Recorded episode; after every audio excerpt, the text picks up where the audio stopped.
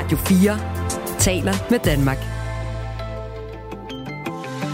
Velkommen til Radio 4 morgen. Send os en sms på 1424. Godmorgen, skriver Daniel. Jeg mener, det er en god idé, at skolerne afslutter året i kirken med børnene. Det skaber også noget kristendom og skaber noget relation. Synes hun snubler lidt over sine egne holdninger, skriver Daniel. Daniel øh, taler om Rakel Rukov, som var med lidt tidligere på morgenen, fordi hun øh, synes, man godt kunne tage den her tradition om at øh, sende tusindvis af skoleelever i kirke den sidste dag inden juleferien op til revision. Er det den rigtige måde at gøre det på? Det er øhm, øh, især noget omkring det her med, hvad det er for en øh, måde, man besøger kirken på, når man er skoleelev. Altså den her måde, hvor man ligesom sætter sig ned og modtager et budskab fra en præst, som Rakel øh, stiller spørgsmålstegn ved. Om en halv time skal vi tale med Rasmus Edelberg. Han er landsformand for skole og forældre, som jo er øh, en organisation for landets skolebestyrelser, som også er nogle af dem, der øh, sammen med skoleledelsen beslutter, om eleverne skal i kirke før jul rundt omkring på skolerne. Og vi skal øh, tale med ham om den her kritik. Søren Hansen fra Svendborg skriver religiøst Pis bør aldrig være en del af undervisningen i folkeskolen. Højst en orientering om, at nogle mennesker ser verden gennem religiøse briller, mener Søren. René spørger, om man så også skal stoppe med Lucia-optog. Ja. Øh, og endelig skriver Jakob fra Bispebjerg. Der er masser af evidens på positive effekter af mindfulness for børn. Og hvorfor ikke i vores smukke kirker? Skriver altså Jakob med reference til, at Børn, der sidder stille og holder deres kæft i en time, opnår, øh, hvad der svarer til øh, mindfulness. Det er i hvert fald sådan, jeg læser hans sms. Det tror jeg også. Det var også det, der ligesom var diskussionspunktet, ikke? Jo, det handlede også om øh, det, det koncept, at man som barn skulle sidde i en kirke og øh, bare tige stille og, og tage imod, som øh, Rakel Rukov stillede øh, sig lidt kritisk overfor. Vi tager debatten i løbet af morgenen. Tak for sms'erne. Dem skal man sende ind til 14.24. Klokken er 7 minutter over 7 lytter til Radio 4 morgen. Hele december måned har Storbritannien været ramt af omfattende strejker, og det fortsætter her hen over jul og nytår. Strejkerne har omfattet transportbranchen, postvæsenet og sundhedsvæsenet. De britiske arbejdere strækker og går på gaden, fordi de vil have højere løn, for deres penge slår ikke til på grund af inflationen og de stigende energipriser. Morten Rønnelund dækker Storbritannien for os her på Radio 4. Godmorgen, Morten.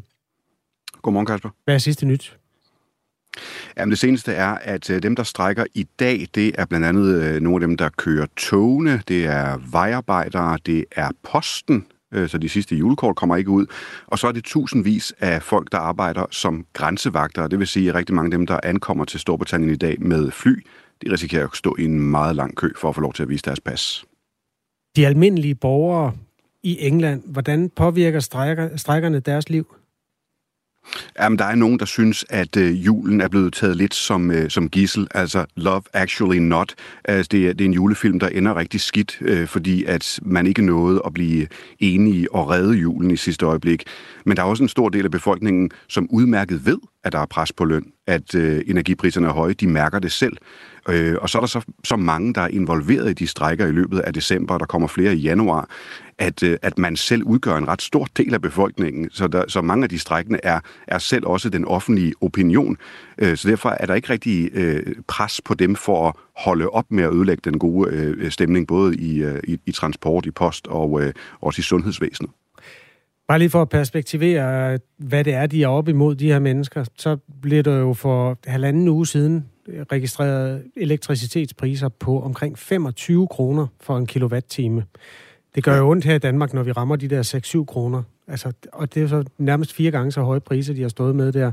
Hvilken konsekvens har det i, for mennesker, der ikke, ja, der ikke er, har så meget at, at betale med? Allerede i løbet af efteråret var der nogen, øh, der begyndte at, øh, at melde ud, at de simpelthen ikke tændte for varmen øh, i løbet af, af vinteren. Det har de ikke råd til. Systemet er lidt anderledes i, i Storbritannien. Der er blandt andet sådan nogle helt gammeldags metre, hvor man putter penge i forud, og så tigger det sådan ud. Øh, og når man så ikke har flere penge tilbage, så er der ikke mere gas på apparatet. Øh, der, der, der er simpelthen folk, der de kan ikke varme deres øh, huse, og de er nødt til at slukke for alting. Ikke bare sådan hyggeslukke for lige at spare og tage toppen af det, men, men sådan helt slukke. De kan simpelthen ikke komme øh, i, øh, igennem det. Øh, desuden så har regeringen indført sådan en, en, et loft for, hvor meget der maksimalt kan betales, ellers så bliver øh, øh, priserne på el- og gaslinjer, det bliver sådan fremskrevet hvert kvartal til et nyt rimeligt niveau øh, for, for firmaerne. Det har øh, regeringen så taget sig af og, og sætte et loft på. Problemet er bare, at det skal betales senere, og det ved befolkningen også godt. Og lad os ikke snakke om, at der også var økonomisk kaos i løbet af efteråret med den premierminister, der var der i halvanden måned, som betyder, at de også betaler højere renter på deres huslån. Så alt er bare blevet dyrere for, øh, for britterne. De er virkelig på kanten. Det er ikke en luksusting. Det er, der er folk, øh, der er tusindvis, der er i fare for at flytte fra huset hjem. Tidligere i december strækkede op imod 100.000 britiske sygeplejersker. Det er jo altså også livskritisk. Og ambulanceredderne strækkede, så det kun blev rykket ud til de helt livstruende situationer. Flere hospitalchefer ytrede, at de frygtede, at det her det ville koste menneskeliv. Har det kostet menneskeliv? Ved man det? Ikke sådan, at det er opgjort som en direkte følge af øh, strækken. Der tror jeg, at vi lige skal have nogle, øh, nogle lidt grundigere undersøgelser, for man kan konstatere det. Men at øh, konsekvenserne har været alvorlige, det kan man allerede se på nogle af de eksempler, der er på, at de mindre vigtige ambulanceting, jamen der venter folk nærmest et døgn. Øh, der er også eksempler på folk, der er blevet hentet i ambulancen efter 12 timer, så er de kørt til hospitalet, men der er ikke plads indenfor. Vi kan ikke øh, sådan ekspedere videre, og så har man ligget udenfor hospitalet i ambulancen som verdens dårligste autocamperferie i 36 timer, før man er kommet ind. Så det siger lidt om, øh, hvor langt ude det er. Det har formentlig kostet liv, men det er ikke sådan, at der er lavet en, en officiel opgørelse. Meldingen var, da ambulanceredderne øh, gik fra, øh, fra deres arbejde, der selvfølgelig vil være et nødberedskab. De gør det i øvrigt igen til januar. Øh, nødberedskabet var, man rykker altid ud som, øh, som normalt til det livstruende. Men på de næste pladser, der er sådan, hvis du har det ildbefindende, men så kan du ikke regne med, at det tæller som en livstruende. Det er en kategori 2. Øh, så der kan godt have været nogle episoder der, når vi får kigget på tallene sådan øh, retrospektivt øh, senere.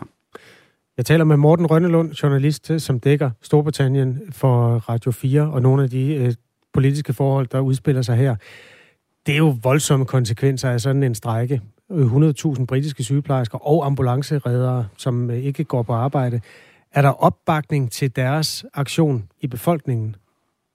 Øh, Forløbig er der, det er en historisk stor strække, så folk mærker også alvoren. Og det er der, som, som jeg sagde før, fordi at folk godt ved, de er presset. Det er ikke bare, vi vil også øh, følge det private, eller øh, sådan en forkælet omgang efter corona, eller hvad man nu kunne sådan udlægge det som, hvis man vil se sig sure på dem. Folk ved det. Øh, de, de, er, det, det, de er sig selv en stor del af befolkningen, og de har alle deres ægtefælder med på deres side. Altså det, det er 100.000 vis af mennesker, der støtter det, alene fordi de er direkte berørt af strækkerne. Undskyld. Og, øh, og resten forstår det udmærket godt. Øh, øh, der, hvor det måske ser rigtig sort ud, og, øh, og hvor man kan frygte, at befolkningen øh, vender sig øh, imod situationen, jamen det er, hvor langt de er fra hinanden, og hvor lange udsigterne er. Regeringen er klar til at betale sygeplejerskerne eksempelvis omkring 4% mere i øh, løn. De kræver 19 og der er ingen snak om at lande på 11,5. Øh, så, så, så, så de lange udsigter er måske det, der kan få det til at tippe for, for øh, befolkningen. Her i Danmark har vi jo været en del af en fælles europæisk bestræbelse på at skaffe energi nok, altså gas især. Øhm, England har jo, eller Storbritannien har jo under stor, stor hej meldt sig ud af EU. Hvordan er, ser de ud med energiforsyningen på de kanter? Altså risikerer de også øh, tomme gashaner? Ja, på den måde er de lige så ramt som, øh, øh, som, som resten af EU langt hen ad vejen. Øh, det, det, det store problem ved at have meldt sig ud af, af EU er i virkeligheden Brexit, som har givet en afmatning i britisk økonomi i forvejen, som så blev maskeret lidt af, at vi alle sammen oplevede corona-afmatningen, og da Storbritannien skulle tilbage efter corona sammen med alle os andre, så fik de rimelig hurtigt gjort det på, på deres vaccinationsprogram, men økonomien kom ikke rigtig med.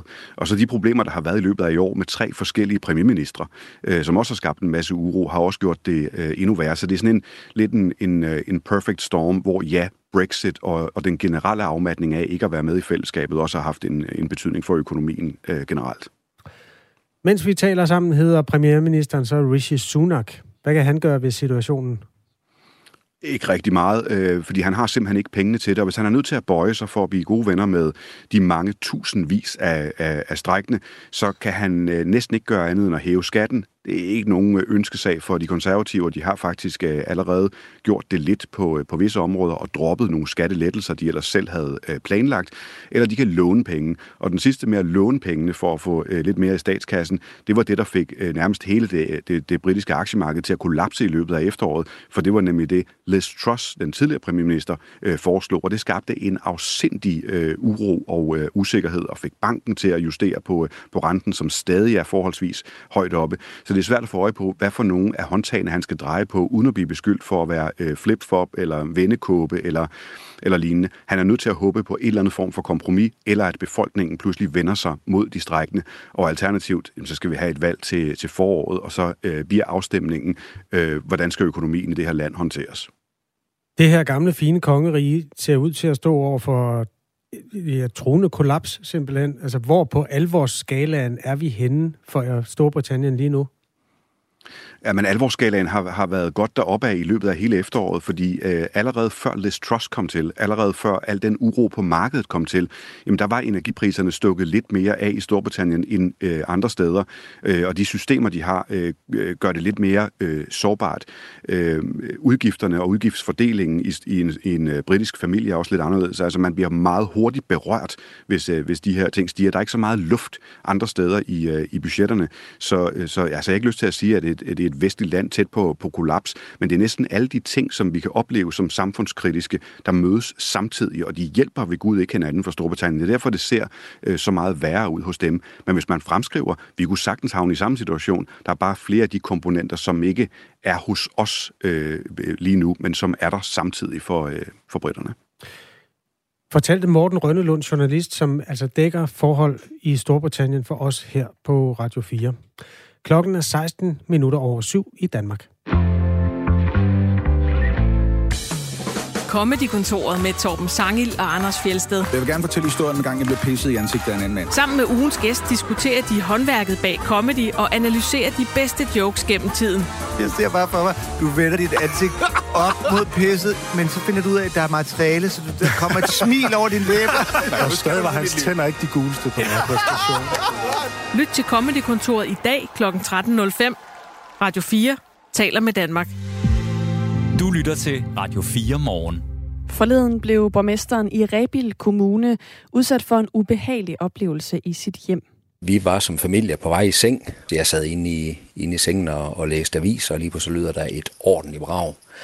Og jeg hopper ud af sengen og, og løber ud og kan se ude i vores carport, at den er fyldt med røg. Øh, åbner lige døren øh, og tænker, hvad sker der? Øh, skynder mig lige ind og, og får lidt tøj på og kommer ud, og der står naboer og andre, der bor på gaden, øh, og så jo kunne fortælle, at, øh, at ja, der var, der var sket en, en eksplosion i form af noget kanonslag eller noget øh, i vores øh, carport, og der var nogen i sort tøj med, med hjelm, der var kørt derfra på knaller eller scooter, og kunne så også se, at, øh, at der var sket herværk på min bil. Øh, vinduesviskeren på bagruden var, var brække.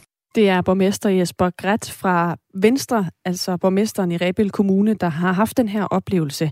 Og øh, nu har han meldt sagen til politiet.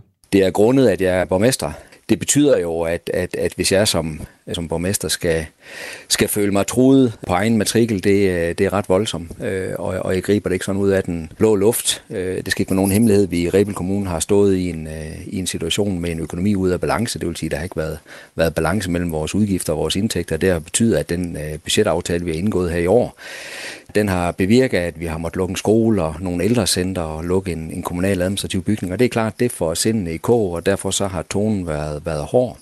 Men det betyder også, at min datter for eksempel er blevet konfronteret med nogle af de beslutninger, som jeg har været med til at tage øh, i sin skole af, af klassekammerater og andre.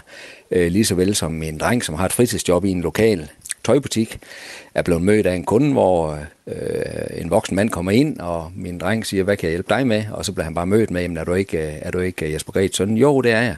Jamen så, så skal jeg ikke betjene til dig. Og det betyder jo, at, at det her det er ved at få en, øh, et omfang, hvor min, hvor min familie også bliver en del af det.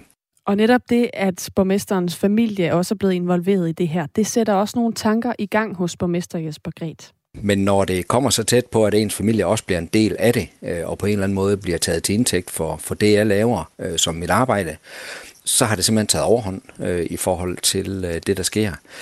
Og det, jeg jo tænker med det, det er, at vi som folkevalgte, vi øh, i en stille stund øh, tænker vi jo nok lidt over, om, øh, om, om det er det værd. Og skulle vi øh, falde i den tanke, at det ikke er, jamen hvad er det så, vi står tilbage med? Øh, vi er et, et land øh, funderet i demokrati, og heldigvis for det. Men hvis det ender med, at der ikke er nogen, der ønsker at stille op og blive folkevalgt og dermed eksponeret for sådan noget som det her, så er vi et sted, jeg ikke ønsker. Så på den måde, så har jeg også brug for at få sendt et signal om, at det her det er uacceptabelt. Han er dog ikke skræmt væk fra politik endnu, fortæller Jesper Gret for nuværende har det ikke, har det ikke skræmt mig væk, men, men, men det er klart, at, øh, at jeg og min familie har nogle snakker om det her, og øh, er også fuldstændig enige om, at, øh, at det her, det må ikke fortsætte. Det må ikke fortsætte på en måde, hvor det kommer så tæt på øh, vores eget hjem, hvor det kommer så tæt på min familie. Det er, det er ikke acceptabelt, det er ikke rimeligt, øh, og øh, det skal vi modarbejde.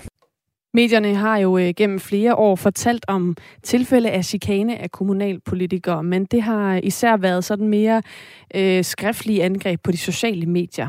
Der er også mange kommuner, der har retningslinjer for, hvordan man så øh, håndterer den type chikane, men det har de ikke i Rebil endnu. Om vi skulle have en form for, for politik i forhold til, hvordan vi, vi eventuelt samler op på nogen, som er, er ramt, det, øh, det, vil jeg da, det vil jeg tage med mig. Det vil jeg da tage med mig.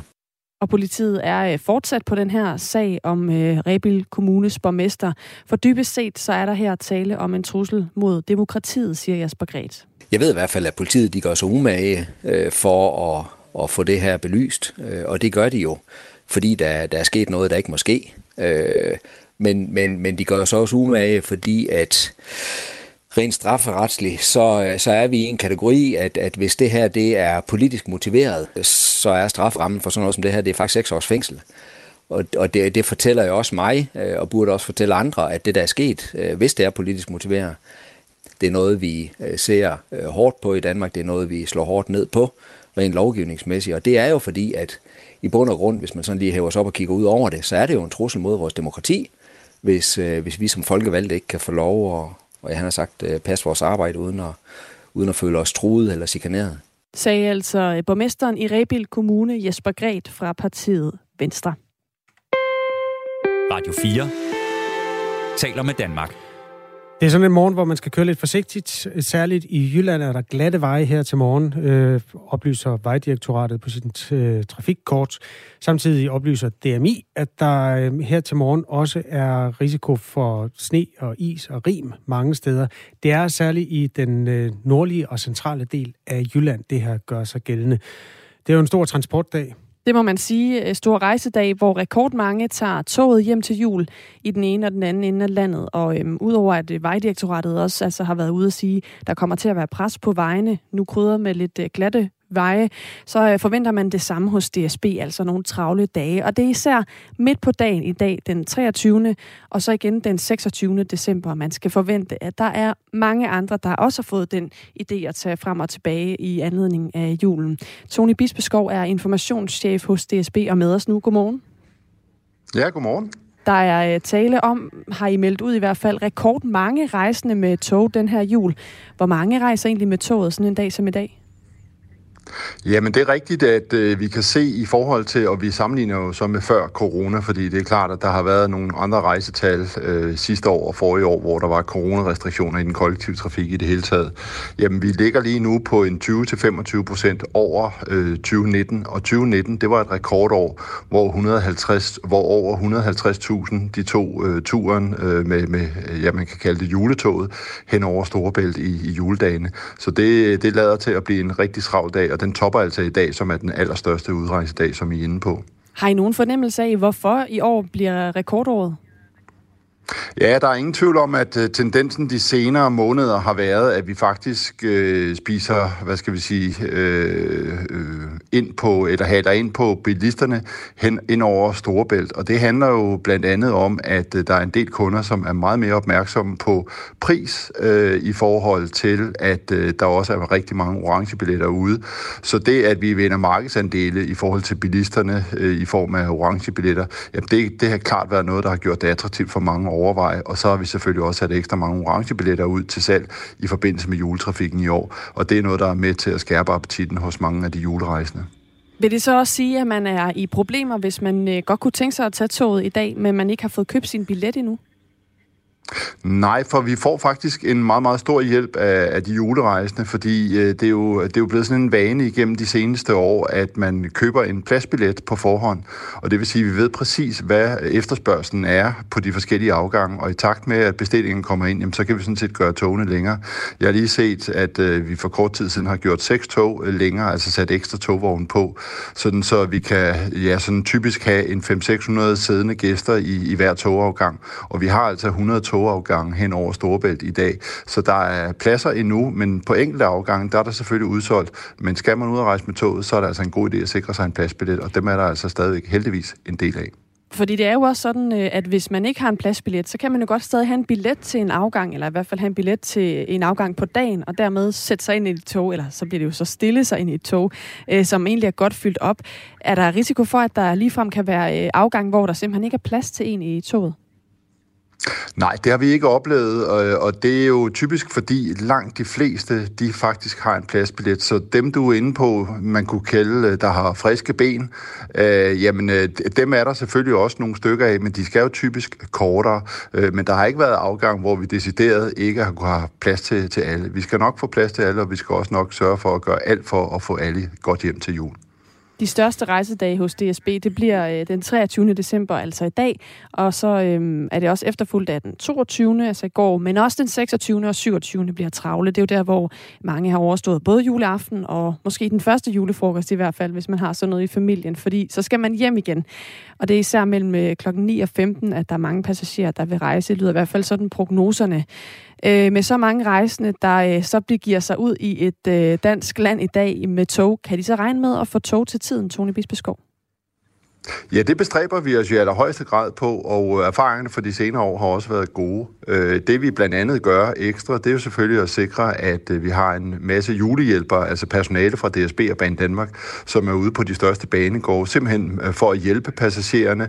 Hvor skal jeg stå henne, når nu jeg har en pladsbillet, og måske ikke kender til en station, eller måske bliver en smule forvirret, fordi på nogle banegårde, der kan der selvfølgelig være rigtig mange mennesker, og der har man måske brug for et godt råd fra et levende menneske. Så vi har masser af julehjælpere ude, og så granerer vi det lidt med noget sang, med noget, noget julemusik, med nogle julemænd og, og forskellige aktiviteter, så vi alt i alt kan få en god oplevelse. Men det er, plejer at gå rigtig, rigtig fint, øh, også i forhold til at køre tog til tiden. Det er selvfølgelig også vigtigt. Glæde jul og god juletrafik, Tone Bispeskov. Tak, og i lige måde til jer. Tak. Informationschef hos DSB. Klokken den er tre minutter i halv otte. Du lytter til Radio 4 morgen. Der er mærkedage omkring jul, som man øh, markerer, og så er der nogen, man måske overser lidt. Jeg opdagede en her til morgen, som jeg synes, vi meget sjældent gør noget ud af. Hmm? Det var i dag, på denne dag, at øh, Vincent van Gogh, den berømte øh, flamske maler, hmm? skar sit øre af. Nå. Øh, efter en periode, hvor det ikke havde kørt så godt. Ja. Jeg brugte tiden på, at... Øh, jeg ved ikke, om du lagde mærke til, at jeg var meget stille, inden vi skulle i jo, studiet. det tænker jeg faktisk godt over. Jeg vil lige læse op på hans øh, livshistorie. Den er godt nok deprimerende. Ja. Øhm, altså i, i dag, hvis han havde levet i dag, så havde han jo været på den grønne gren for hans penge, eller hans melod, øh, malerier er mange penge værd. Ja, men det kom lidt sent jo. Ja, det kom lige sent nok, kan man sige. Øhm, han blev jo øh, født samme dag som sin storebror. Nå? Pudsigt nøj, altså ikke, ikke samme år, men, nej, nej, men på samme dato. Ja. Men storebroren var dødfødt, så forældrene Nå. var i dårlig humør den dag. Det var der, det begyndte, og så gik det ellers værre og værre. Han øh, gik i skole og lærte fire sprog, men øh, de havde ikke råd til, at han skulle gå der, så han blev taget ud af skolen.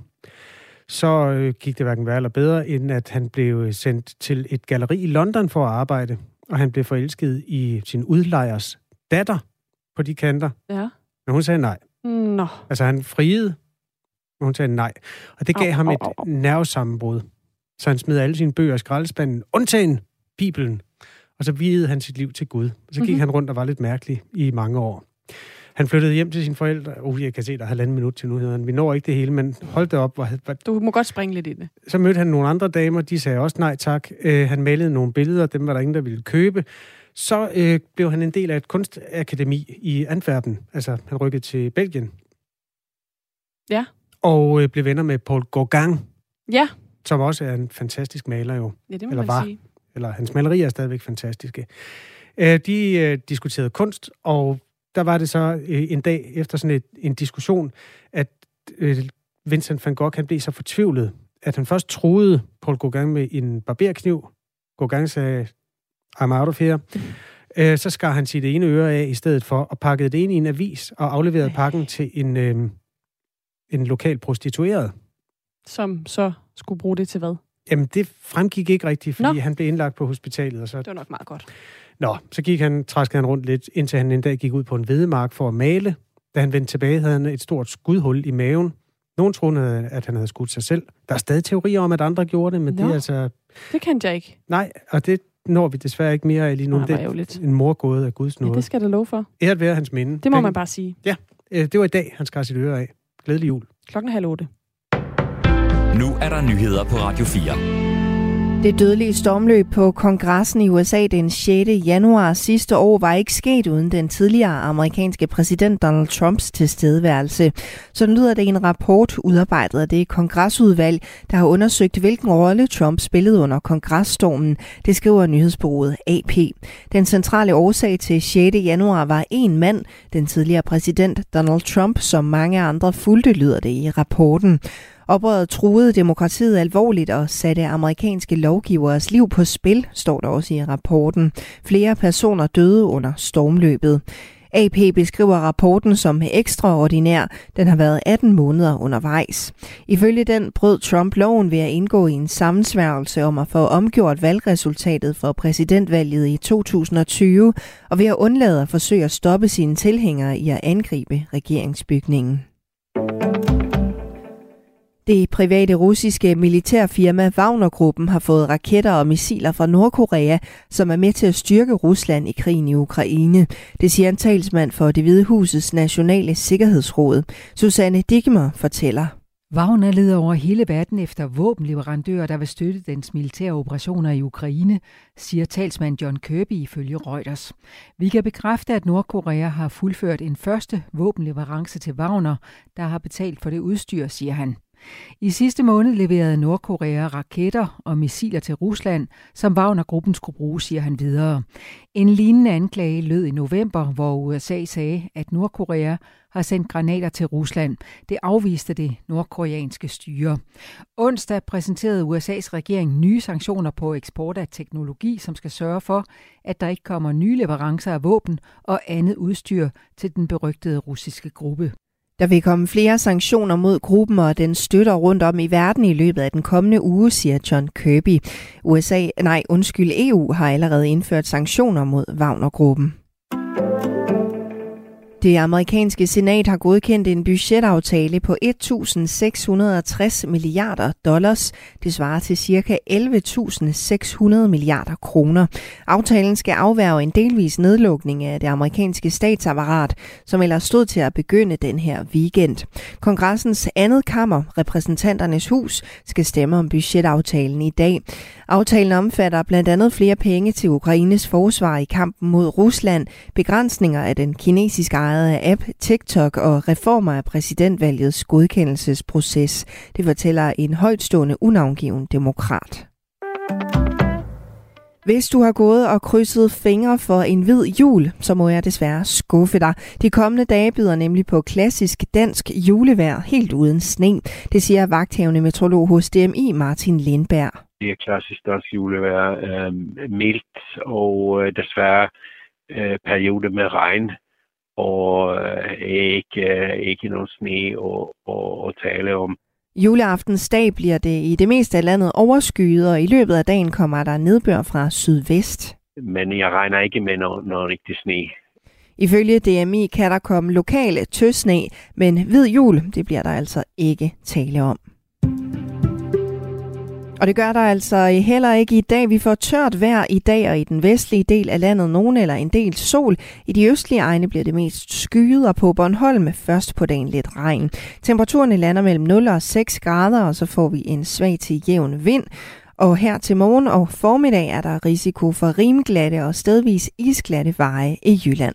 Det var nyhederne på Radio 4 med Signe Ribergaard Rasmussen. Du lytter til Radio 4 morgen. Husk, du kan skrive en sms til os på 1424. Du kan jo for eksempel skrive en sms om den debat, vi skal øh, dykke ned i nu her.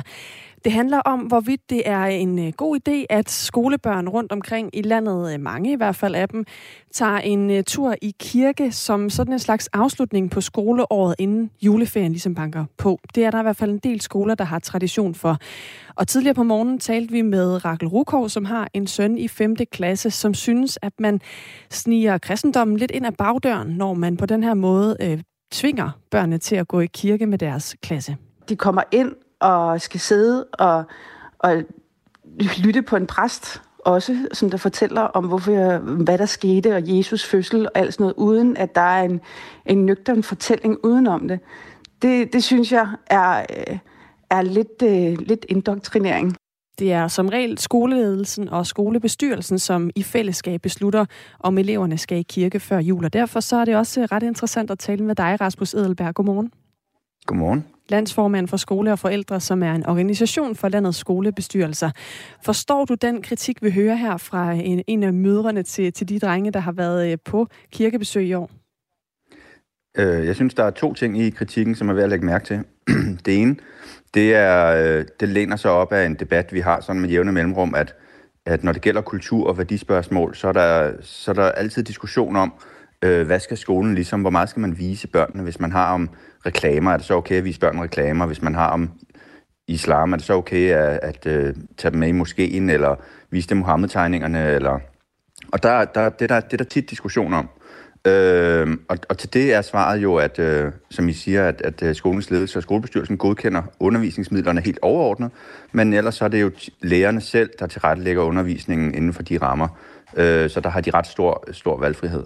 Den anden del, som jeg synes er interessant, øh, det er, at øh, der er øh, en kritik af, at det foregår som en slags indoktrinering, altså at de ligesom får historien om Jesus uden nogen faglig ramme. De, om man så må sige, det virker forkyndende, synes moren her. Og det, der synes jeg, at, øh, at det skal man, hvis man har den bekymring, altså at, at børnene bliver indoktrineret eller øh, religiøst øh, øh, forkyndet, altså om som siger værvet til en bestemt religion, når de går i skole, øh, det skal man måske lige øh, tænke over, altså, fordi det må man jo ikke. Øh, omvendt må jeg sige, at, at hvis man går i, øh, går i kirke øh, i forbindelse med jul i skolen, så i mine øjne, så virker det umiddelbart som en del af den almene dannelse, hvor forældrene roligt kan sige, læne sig op af folkeskolelovens formål, om at eleverne skal danne sig og uddannes i den danske folkeskole, så de selv kan tage stilling til verden omkring sig. Og der er hører historien om, om jul jo, som en, som en del af det kulturelle bagtæppe for at bo i det her land med. Men kan man ikke få den historie, uden at man skal tage hen til kirken og skal høre fra en præst på, øh, kan man sige, præstens hjemmebane, altså netop i kirkerummet? Kan man ikke få den historie på, på anden vis i skolen? Altså, man kan jo ikke få lige præcis den historie på en anden måde. Hvis det er sådan, så læreren tænker, det er vigtigt, at man faktisk forstår, hvad en kirke er, hvis man ikke ved det hjemmefra. At man faktisk ved, hvad en præst er. At man faktisk ved, hvad det vil sige, at at høre en præst prædike. Altså man ved, hvad de ord betyder. Det kan, der, der kan man jo som, når man tilrettelægger undervisningen, tænke, jeg kunne godt tænke mig, at børnene faktisk selv oplever det, så de ved bagefter, hvad de taler om. Så de ikke bare har hørt mig sige det i min, med mine ord, i min udlægning, men faktisk selv kan tage stilling, og faktisk selv har oplevet det. Vi taler meget om, at mange børn bliver er demotiveret i dag i skolen, og det handler også om, at de ikke helt kan se, hvad har det med den virkelige verden at gøre. Det bliver for teoretisk, for meget en skærm, øh, og hvis de i stedet for kommer ud på nogle ekskursioner, oplever verden omkring sig. Det kan også være virksomhedsbesøg eller øh, alt muligt andet. Øh, det, det gør bare undervisningen mere spændende. Og så tænker jeg, at der er mange lærere, som synes, vi kunne godt tænke os at vise dem, hvordan det ser ud i virkeligheden, og så, øh, så får de det med sig i bagagen. Men tror du, at der er mange lærere, der tænker øh, lige netop den her dag, den her tradition, som det jo også lidt er for nogle skoler med, at vi skal i kirke øh, umiddelbart inden juleferien, det gør jeg, fordi jeg gerne vil vise børnene, hvordan øh, det er at, at opleve en prædiken, øh, hvad der sker i kirken. Altså tror du sådan hånd på hjertet, at det er det, der ligger bag, øh, når lærerne og skolerne tager eleverne med til det her? Ja, det tror jeg. Jeg tror i høj grad, at, øh, at lærerne træffer de her valg, øh, ud fra sådan en samlet vurdering af, øh, at, at de gerne vil øh, danne og uddanne børnene og, og øh, vise dem, hvordan øh, verden fungerer, og, og så kan man jo altid samle op og, og reflektere over det sammen bagefter. Øh, det kan være i forbindelse med øh, religionsundervisningen, øh, som for øvrigt hedder kristendomsundervisningen, øh, eller det kan være dansk, eller og i forhold til øh, kultur og sprog og Øh, det kan sættes ind i mange forskellige kontekster, øh, men det kan også, om som samfundsfag, øh, men det kan også, om som at sige, være en del af, af det at gå i skole, at man har nogle traditioner, og, øh, og man på den måde åbner sig op for samfundet omkring sig, øh, og laver de her ture rundt omkring til, til virksomheder eller en kirke, eller hvad det nu måtte være, øh, sådan så forældrene og, og, og børnene og lærerne øh, øh har, lever i den samme verden. Altså at skolen ikke er et, fuldstændig beskyttet værksted, hvor man, hvor man ikke kan øh, lade, øh, lade virkeligheden trænge ind, men at man faktisk øh, tværtimod åbner op øh, og lader verden komme ind i skolen, og skolen kommer ud i verden. Når jeg spørger Rasmus Edelberg, om du øh, tror, at, at lærerne ligesom øh, på forhånd, inden man sender børnene afsted til de her øh, øh, kirkelige øh, handlinger, øh, hvad skal vi kalde det, julearrangementer i kirken forud for juleferien, om det er fordi, de tænker, at der er en masse øh, sådan fagligt at hente, så er det også fordi, at øh, Eda Rakel Rukov, som altså har startet den her debats pointer, det er også, at øh, hun mener, at det kan godt virke som om, at skolebestyrelserne godkender det her arrangement, fordi det plejer man at gøre. Altså det er sådan, det er tradition, det er også lidt besværligt at lave det om. Hvad skal man så finde på? Og der så hun gerne, at man så lidt mere skeptisk på det her arrangement, og ikke ligesom bare køre det sådan øh, lidt ubevidst efter, hvad traditionen foreskriver. Kan du genkende det? Mm, altså, jeg tror nok, i, i mange af landets skolebestyrelser, der, der sidder man ikke hvert år og tager stilling til, øh, om øh, 5. A skal lave en ekskursion til kirkelej. Det tror jeg, hun har helt ret i. Øh, man plejer at tage nogle lidt mere øh, generelle øh, betragtninger, når man øh, for eksempel en gang om året tager undervisningsmidler øh, op til overvejelse. Det kan jo også være noget med øh, øh, brugen af skærm i undervisningen, eller det kan være noget med fornyelse af, af bog, hele bogsæt til, øh, til hele indskolingen, eller det kan være på det niveau, kan man sige, og ikke på et sådan meget detaljeret niveau, man sidder og beslutter det. Også fordi man gerne vil have, at, at lærerne selv kan vurdere øh, og bruge deres professionelle øh, rolle og deres didaktik til at tilrettelægge undervisningen ud fra det, de synes giver mening i et samlet billede. Øhm, så, så selvom skolebestyrelsen og ledelsen sidder med det overordnede ansvar, øh, så vil man i praksis overlade sådan nogle valg til, til lærerteamet selv. SMS'er på den her, Michael skriver, det er jo indoktrinering af værste skuffe, at børn skal sidde i en kirke i en time og tvangslytte. Det er jo som en religiøs øh, ja, måde at liste det ind på. Drop øh, tvangsreligion og lad det være et tilvalg. God jul fra Michael. Du må gerne forholde dig til det, hvis du har lyst. Ja, altså, øh, øh, øhm, for det første, så hvis man som forældre øh, slet ikke øh, kan holde tanken ud om, at ens barn øh, er i kirke i en time, øh, så kan man jo øh, vælge at sige, jamen så, øh, så kan mit barn ikke komme i skole øh, den dag, øh, hvis man ellers ved, ved det i forvejen. Men, men øh, for mig at se, så øh, er der, tager børnene jo ikke skade af, øh, og de bliver heller ikke religiøse af øh, at sidde i en kirke i en time.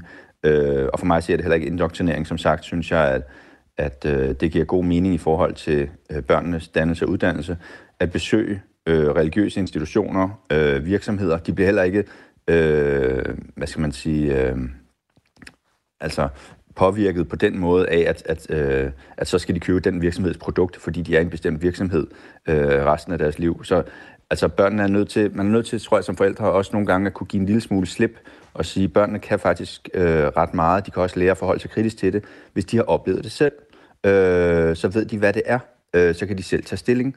Øh, det er jo ikke sådan, at man gør det gentagende gange, øh, altså går i, går i kirke. Mm. Men mindre man som forældre har valgt en religiøs skole eller religiøs børnehave, hvor det er en del af formålet at, at danne ind i en bestemt trosretning, men den danske folkeskole er jo ikke religiøs, så på den måde er der ikke tale om indoktrinering. Kan børn i for eksempel 0. Øh, eller 1. 2. klasse, kan de også forholde sig kritisk til det, når de bliver øh, taget med til sådan et arrangement som det her? Det kan man jo altid diskutere, øh, også, altså hvad vil det sige at være kritisk? Jeg vil, det er klart, at jo ældre børnene bliver, jo, jo mere selvbevidste er det, jo mere kritiske kan de gå til tingene.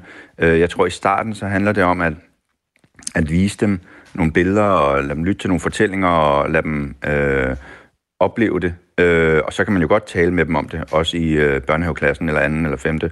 Øh, så, så, øh, det, men det er vigtigt, at der er, at der er lærer og pædagoger, kan man sige, der er med, øh, og det foregår i regi af folkeskolen, øh, fordi det med, med selve den, hvad skal man sige, den religiøse øh, tilvænding, det er, det er jo en, det er en privat sag. Man skal huske, skriver en anden lytter, at kirken som bygning er et stykke historie, og ikke kun religion. Det er smukke historiske bygninger, som er bygget over de sidste 800-1000 år i mange forskellige stilarter. Det er også arkitektur, dansk historie med videre, for kirken har jo historisk betydet alt for lokalsamfundene i hele Danmark. Så lyt til præstens eventyr. Nyd nu arkitekturen og kalkmalerierne osv., mens man er i kirken, skriver en lytter. Ja. Mere til Jamen, os. Det, det, ja, det taler jo også meget ind i, kan man sige, øh, det jeg indledt med at sige, at at det med at, at forstå, hvorfor vi fejrer jul her i landet, er en del af en, en kulturel øh, forståelse, og det med at øh, være i en kirke, den lokale kirke, at det for børnene øh, kan give rigtig god mening, så de, så de ved, hvad det er for et sted, øh, og ved, hvad, hvad det handler om, øh, og har dannet deres egen indtryk af det.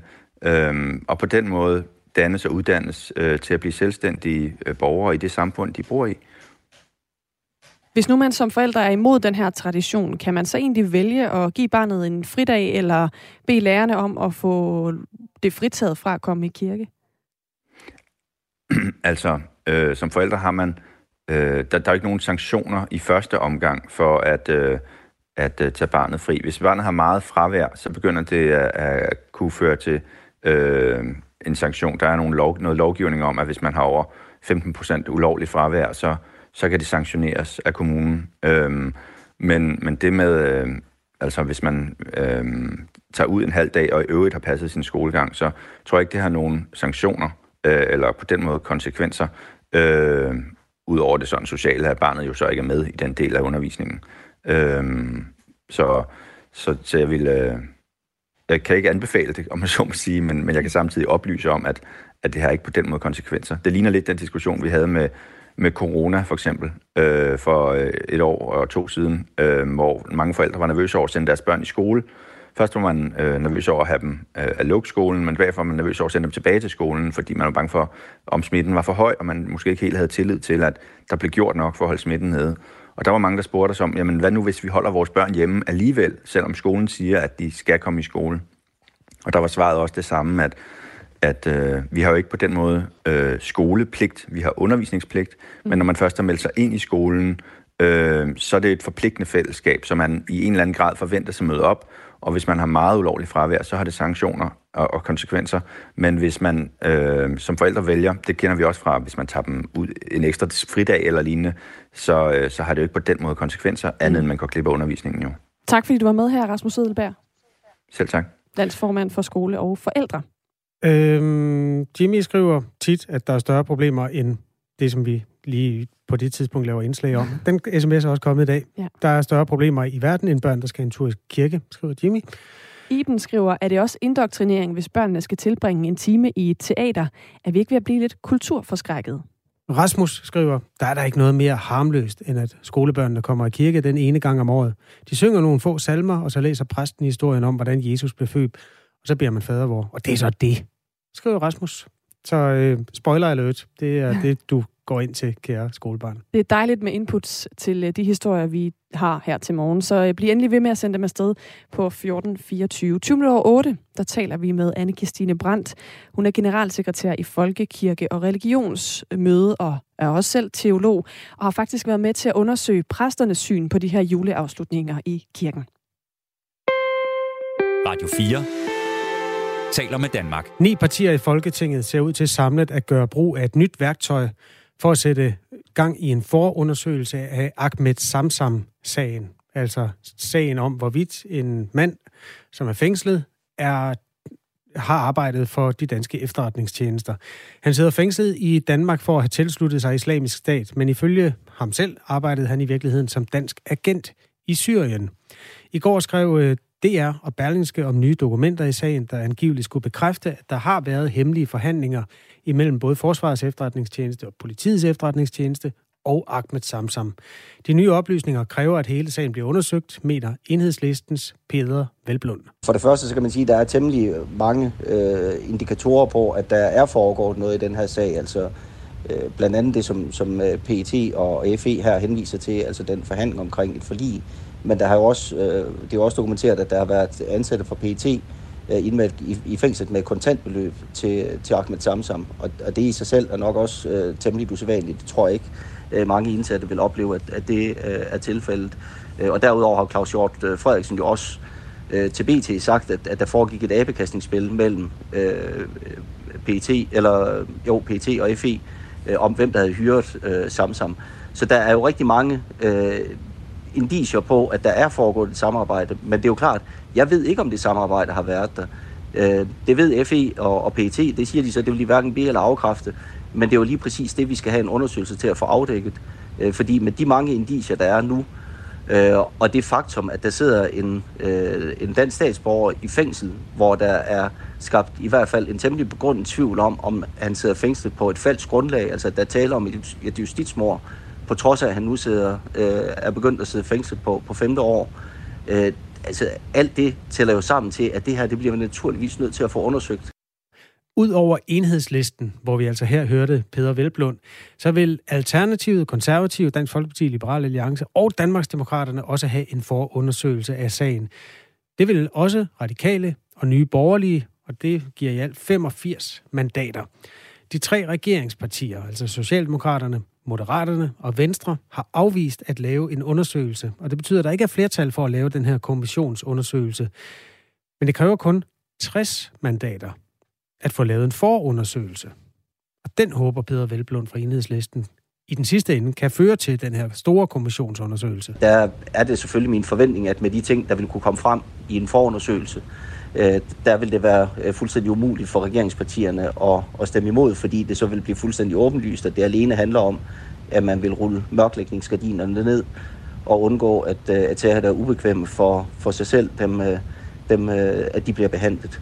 I aftes kom øh, politiets efterretningstjeneste og forsvarets efterretningstjeneste med en fælles udtalelse på baggrund af Berlingske og DR's afsløring. Og de skrev blandt andet, nu citerer jeg, Endelig bemærkes det, at der ikke er noget usædvanligt i, at PET og FE går i dialog med en modparts advokat, når denne oplyser vil udtage stævning mod efterretningstjenesterne i en erstatningssag. Denne dialog er selv sagt i sig selv hverken en be- eller afkræftelse af det forhold, som stævningen vedrører skriver altså PET og FI i den her udtalelse. Men det får ikke øh, Peter Velblund til at ændre holdning. Vi vil presse på på alle de øh, ledere, vi kan. Øh, vi har allerede indkaldt justitsministeren i, øh, i et samråd selv. Øh, og, og vi kommer selvfølgelig til at presse på, fordi det her det er en fuldstændig afgørende sag. Både i forhold til, at der potentielt kan sidde en en, øh, en borger fængslet på, på urigtigt grundlag, men jo også generelt i forhold til, at vi i Danmark selvfølgelig skal overholde helt basale retsstatsprincipper. Øh, og det er jo det, øh, der er blevet rejst en, en temmelig begrundet tvivl om nu, om det er tilfældet. Det er først i det nye år, når der er nedsat et grænskningsudvalg, at de mange partier kan sætte gang i den her forundersøgelse, hvis de altså øh, gør det. Klokken er 8 minutter i 8. Du lytter til Radio 4 morgen. Nu skal vi se nærmere på fiskeriet, der skal omstille sig. Øh, fiskeribranchen skal prøve at finde en måde at virke på i fremtiden, hvor man er mere klimabevidste og bæredygtige og passer bedre på havene i bred forstand. Men selvfølgelig skal dansk fiskeri også have evnen til at konkurrere med andre landes fiskeri. Og derfor er der altså nedsat den her fiskerikommission, der skal arbejde på, hvordan man øh, ja, løser den gordiske knude. Den øh, deadline er fremrykket til oktober næste år. Og det betyder også, at man udskyder et forbud mod at fiske med de såkaldte bundtravl. Det blev præsenteret i finansloven sidste år. Øh, og det blev simpelthen gjort forbudt at fange fisk i Bælthavet omkring Fyn og, og Langeland ved hjælp af bundtrål fra 1. januar. Den nye beslutning betyder så, at det udskydes i første omgang til oktober. Og dermed er den her klimabevidsthed også øh, skubbet i første omgang 10 måneder. Og det vækker brede hos nogen. Øh, Morten Rosenlund Villassen er undervandsjæger og har skrevet bøger om undervandsjagt og holder også øh, foredrag om det. Du er ikke vild med den beslutning. Øh, godmorgen, og hvorfor ikke?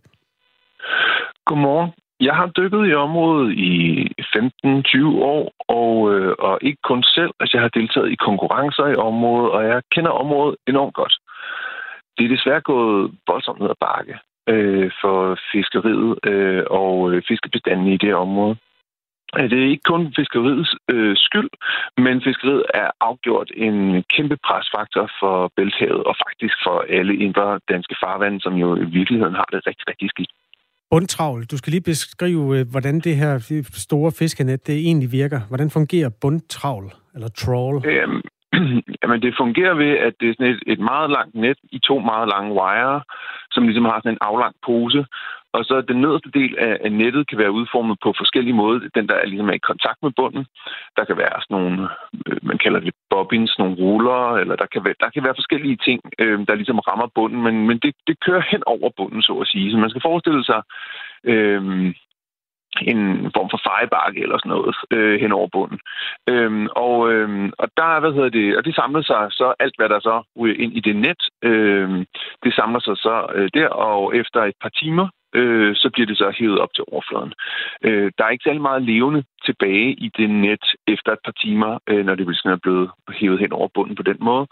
Og, øh, og ikke nok med, at det ligesom ødelægger havbunden, det er også enormt øh, hvad hedder det, klimaskadeligt fiskeri. Det er meget brændstoftungt, og selve havbunden udleder også en masse CO2, når den ligesom bliver, øh, det er måske lidt groft at sige pløjet op, men i hvert fald forstyrret på den måde. Altså alle de det CO2, der ligesom ligger bundet i havbunden, bliver også vivlet op i vandet. Det skaber dårlig sigtbarhed, og der er en enormt stor øh, bifangst øh, ved det.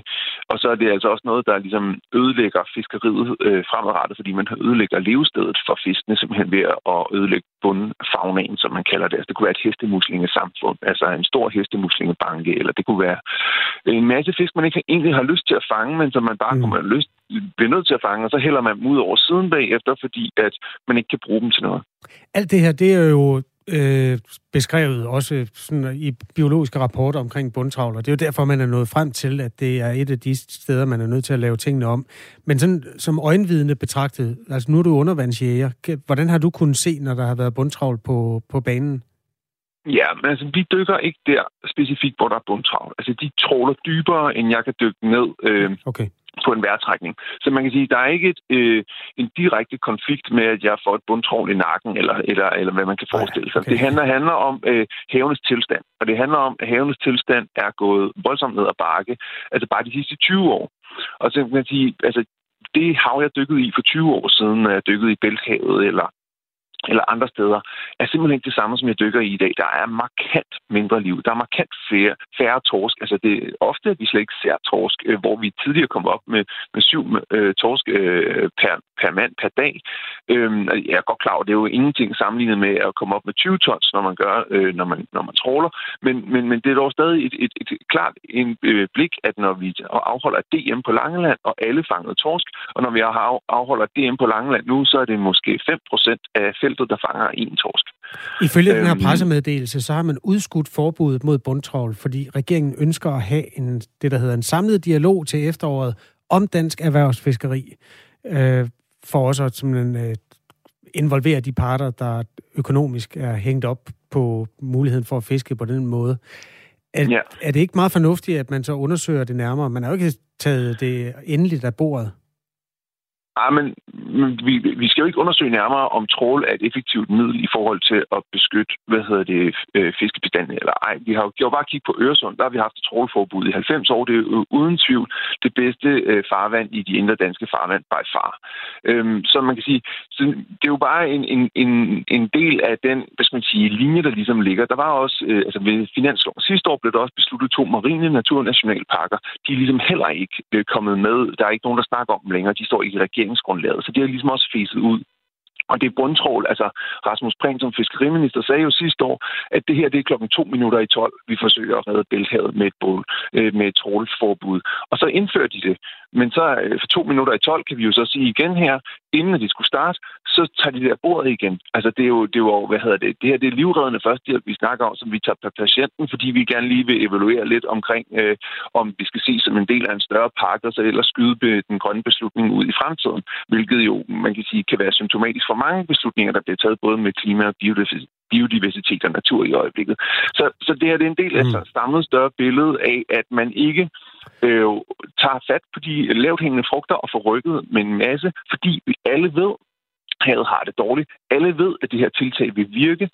Øhm, og så fordi, at man har, øh, har fået en, en, en ny politisk partner i, øh, i, hvad hedder det for Socialdemokratiet, så, øh, så, så tænker man, at de, den der grønne beslutning der, øh, det, vi har ikke lyst til at, at presse vores venner i fiskeriet yderligere. Der er også kommet en ny, øh, du har lidt fart på, Morten. Jeg er nødt til at afbryde dig, fordi der, der er nyheder om et øjeblik. Morten Rosenvold øh, Villassen, altså undervandsjæger, og kommenterer på den her beslutning om at udskyde øh, forbud mod travl, øh, fisk med bundtravl i omkring Fyn og, og Langeland. Og der er altså kommet en ny minister for Fødevare, Landbrug og Fiskeri, nemlig Jakob Jensen fra Venstre. Så bare ultrakort, tænker du, det er en, en, en ny politisk kurs, fordi der er kommet en ny øh, farve på regeringen? Ja, jeg tror, altså min helt personlige holdning er, at, at det ikke bliver til fordel for naturen. Tak fordi du var med her til morgen. Selv tak undervandsjæger Morten Rosenvold øh, Villassen. Vi har ragt ud naturligvis til Morten, øh, nej ikke til, ja Morten hørte du her, øh, Jakob Jensen fra Venstre, der er ny minister på området, som jo altså nu øh, for kort tid siden udsendte den her øh, tilkendegivelse af, at, udskuddet, øh, altså forbuddet er udskudt i ni måneder. Vi har ragt ud til Jakob Jensen, men øh, ikke øh, fået svar endnu. Vi håber at kunne lave det interview på et tidspunkt. Om 20 minutter dykker vi ned igen i øh, debatten om, hvorvidt børn i folkeskolerne skal til juleafslutning i kirkerne. Men inden da, så skal du have noget fra Signe Ribergaard klokken er 8.